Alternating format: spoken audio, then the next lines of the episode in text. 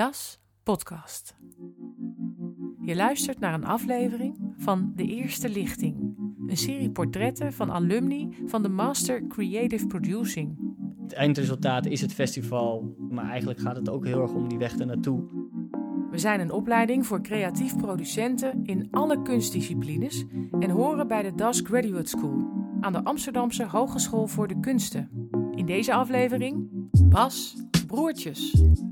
Op het moment van de opname voor deze podcast werkt Bas aan een Europees educatietraject met partners uit de EU en Nederland.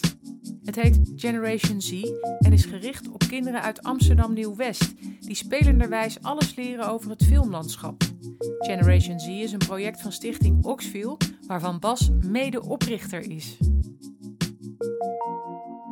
Ik kom uit een familie waar uh, kunst en cultuur wel uh, altijd heel erg werd aangemoedigd. mijn moeder zelf, heeft zelf theateropleiding gedaan. En mijn vader zit als heel leven in de journalistiek, in de media ook. Dus ja, ik werd er wel met de paplepel werd het erin gegoten, zullen we zeggen. Op de middelbare school hadden wij een CKV. En op een gegeven moment gingen we de film Lola Rent, die gingen we toen kijken. En ik weet nog wel dat dat echt wel een moment was dat ik heel erg onder de indruk was van de manier hoe die film uh, verteld werd. Omdat hetzelfde verhaal krijg je in vier verschillende vormen te zien. Uh, elke keer gaat het weer terug in de tijd en dan zie je hoe, hoe het net anders, uh, anders loopt. Ik heb de filmacademie gedaan en daar word je natuurlijk heel erg opgeleid als productieleider eigenlijk meer. Niet eens echt producent, maar meer uh, uitvoerend producent. En ik leerde op de filmacademie ook mijn uh, huidige werkpartner uh, kennen, Aydin Desat. We hadden gewoon al gelijk een hele goede klik. En hebben uiteindelijk ook na de filmacademie zijn we gelijk verder gaan samenwerken in een, ons eigen filmproductiehuis, Kaliber Film. Maar ik ontdekte wel gaandeweg dat het me een beetje tegen begon te staan om uh, van de ene productie in de andere te, te rollen en heel erg bezig te zijn met vooral het bedrijf runnen.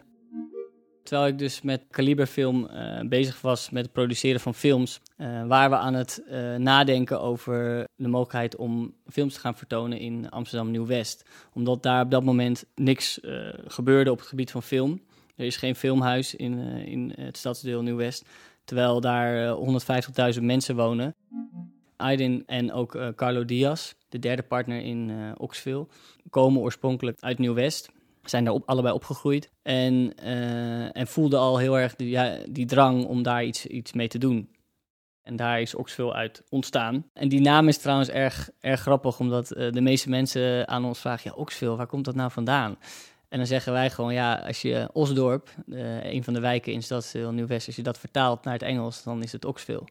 En we begonnen, uh, of we zijn begonnen in, uh, in Osdorp bij de Meervaart. Dus ja, dat was de logische, voor ons een hele logische naam. Maar heel veel mensen leggen de link niet gelijk. Dus dat, maar dat vinden we eigenlijk wel heel grappig.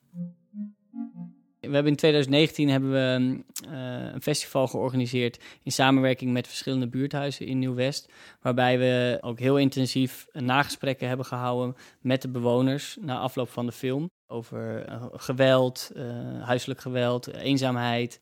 thema's die een belangrijke rol spelen ook in de wijk bij veel bewoners. We hadden een keer een film, The Lion heette die.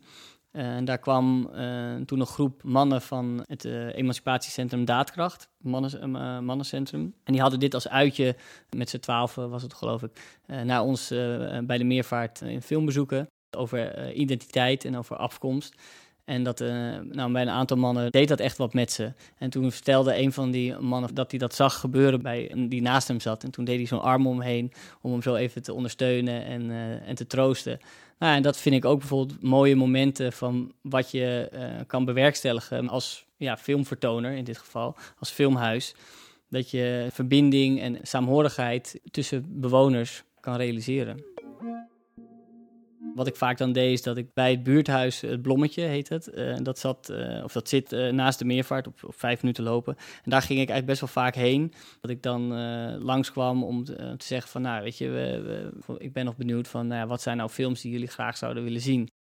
De Wilde Stad was heel populair. Natuurlijk met name ook vanwege de, de connectie met Amsterdam.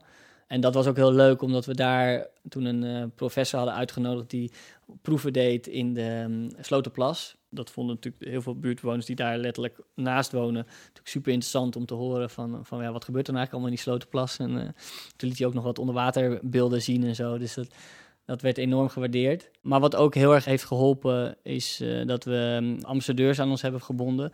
Dus bewoners in de buurt die veel activiteiten organiseren, maar ook een hart voor film hebben.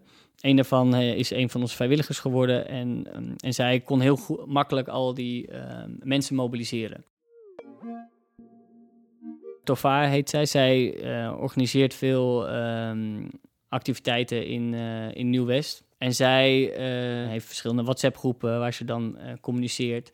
En dat werkt gewoon heel goed omdat ze op die manier dus in een, snel heel veel mensen tegelijk kan mobiliseren. En dat heeft natuurlijk ook met vertrouwensband te maken. Zij, heel veel kennen haar. En als zij dan meekomt, dan komen er ook weer anderen makkelijker met haar mee. Als je, ja, als je het puur hebt over creative producer, dan vind ik de, het woord verbinder, hè, en dat is een beetje cliché natuurlijk aan het woord, omdat, omdat het heel vaak wordt gebruikt, maar ik vind toch dat verbinder wel een heel belangrijke rol speelt in het creative producing zijn, want je bent letterlijk de schakel, vind ik, tussen verschillende mensen.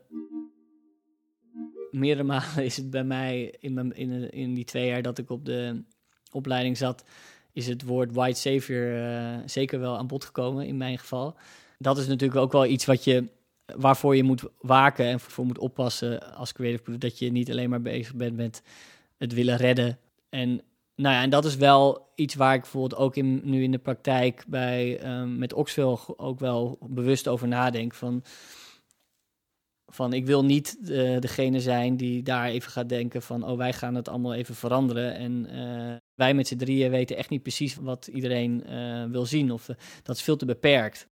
Kijk, ik, ik liep al langere tijd voor de voordat ik naar de masteropleiding ging aan tegen de toch wel wat beperkte en bekrompen eh, filmwereld en, en het toch wel heel erg eendimensionale ervan en het feit dat heel weinig mensen daar uh, de scepter uh, zwaaien en dat het een heel ja, wit, witte wereld is. Alleen had ik me dat toen, ik had nog niet zo goed door waar dat nou precies aan lag, dat ik me daar niet thuis voelde. Ik voelde me er letterlijk niet thuis.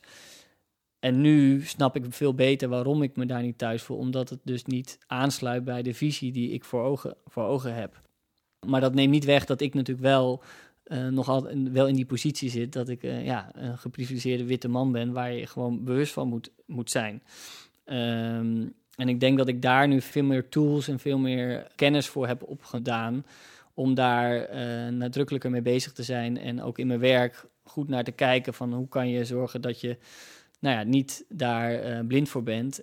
Ja, en, en ik denk ook, en dat vond ik ook wel een hele interessante ontdekking, dat uh, ik ben zelf, ik vind conflict en zo en, en, en ongemak vind ik best lastig om daarmee uh, mee om te gaan.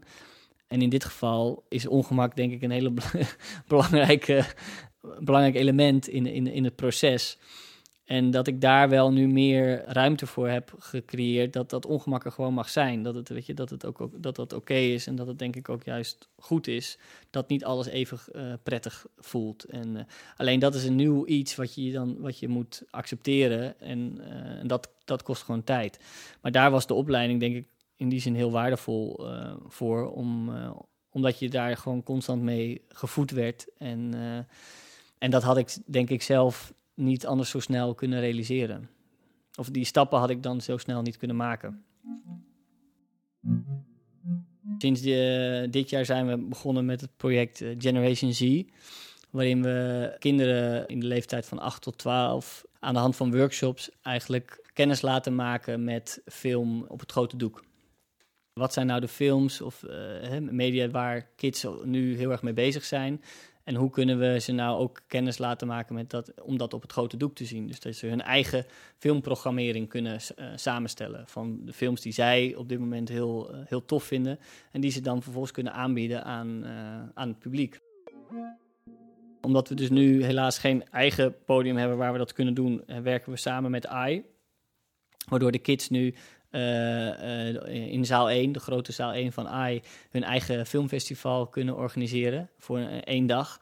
En op die manier dus ook kunnen laten zien aan het publiek van, van ja, dit is waar wij mee bezig zijn. Dit is onze belevingswereld. En voor hun is het een ervaring van, ja, zo kan het filmhuis, hè, de bioscoop, ook voor ons heel belangrijk zijn en voor ons een belangrijke functie vervullen.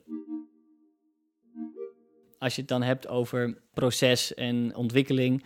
Uh, wat we nu al zien bij die kids, we organiseren dan elf workshops uh, voor ze richting het organiseren van het festival.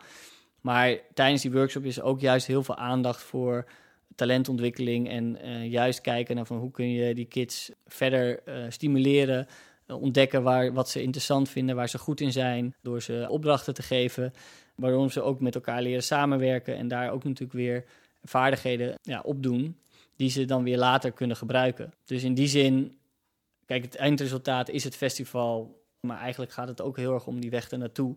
En wat het met ze doet uh, en hoe ze ervaren nou ja, om zo met film bezig te zijn. En, en, en, eigenlijk op een andere manier te kijken naar de filmpjes die ze constant op hun mobiel uh, bekijken. Uh, maar dat even net in een ander perspectief te plaatsen. We hopen eigenlijk dat we in het komende jaar nou ja, echt toch wel onze eigen plek kunnen vinden. Uh, waar we met name dus, waar ik het net over had, over uh, het samenwerken met de buurt en community cinema noemen wij het dan. Om die uh, verder te kunnen uitbouwen en nog intensiever samen te gaan werken met al die verschillende organisaties in, in de wijk.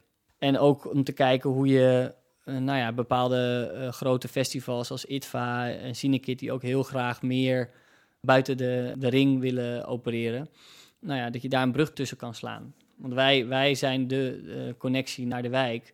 En zij, zij hebben natuurlijk het podium van een festival, wat je dan uh, nou ja, een plek kan geven ook in, in een stadsdeel als Nieuw-West. Dus dat zijn zeker de ambities die we hebben om, ja, om die connectie en die brug te kunnen, kunnen maken. Je luisterde naar een aflevering van De Eerste Lichting van Das Podcast. Portretten van bevlogen cultuurmakers die afstudeerden bij de opleiding Creative Producing aan de Das Graduate School aan de Amsterdamse Hogeschool voor de Kunsten. Aan het woord was Bas Broertjes. Deze podcast werd gemaakt door Marije Schuurman-Hes van Radiomakers de Smet. Muziek en eindmontage Jesse van der Eng van Studio Kickvis.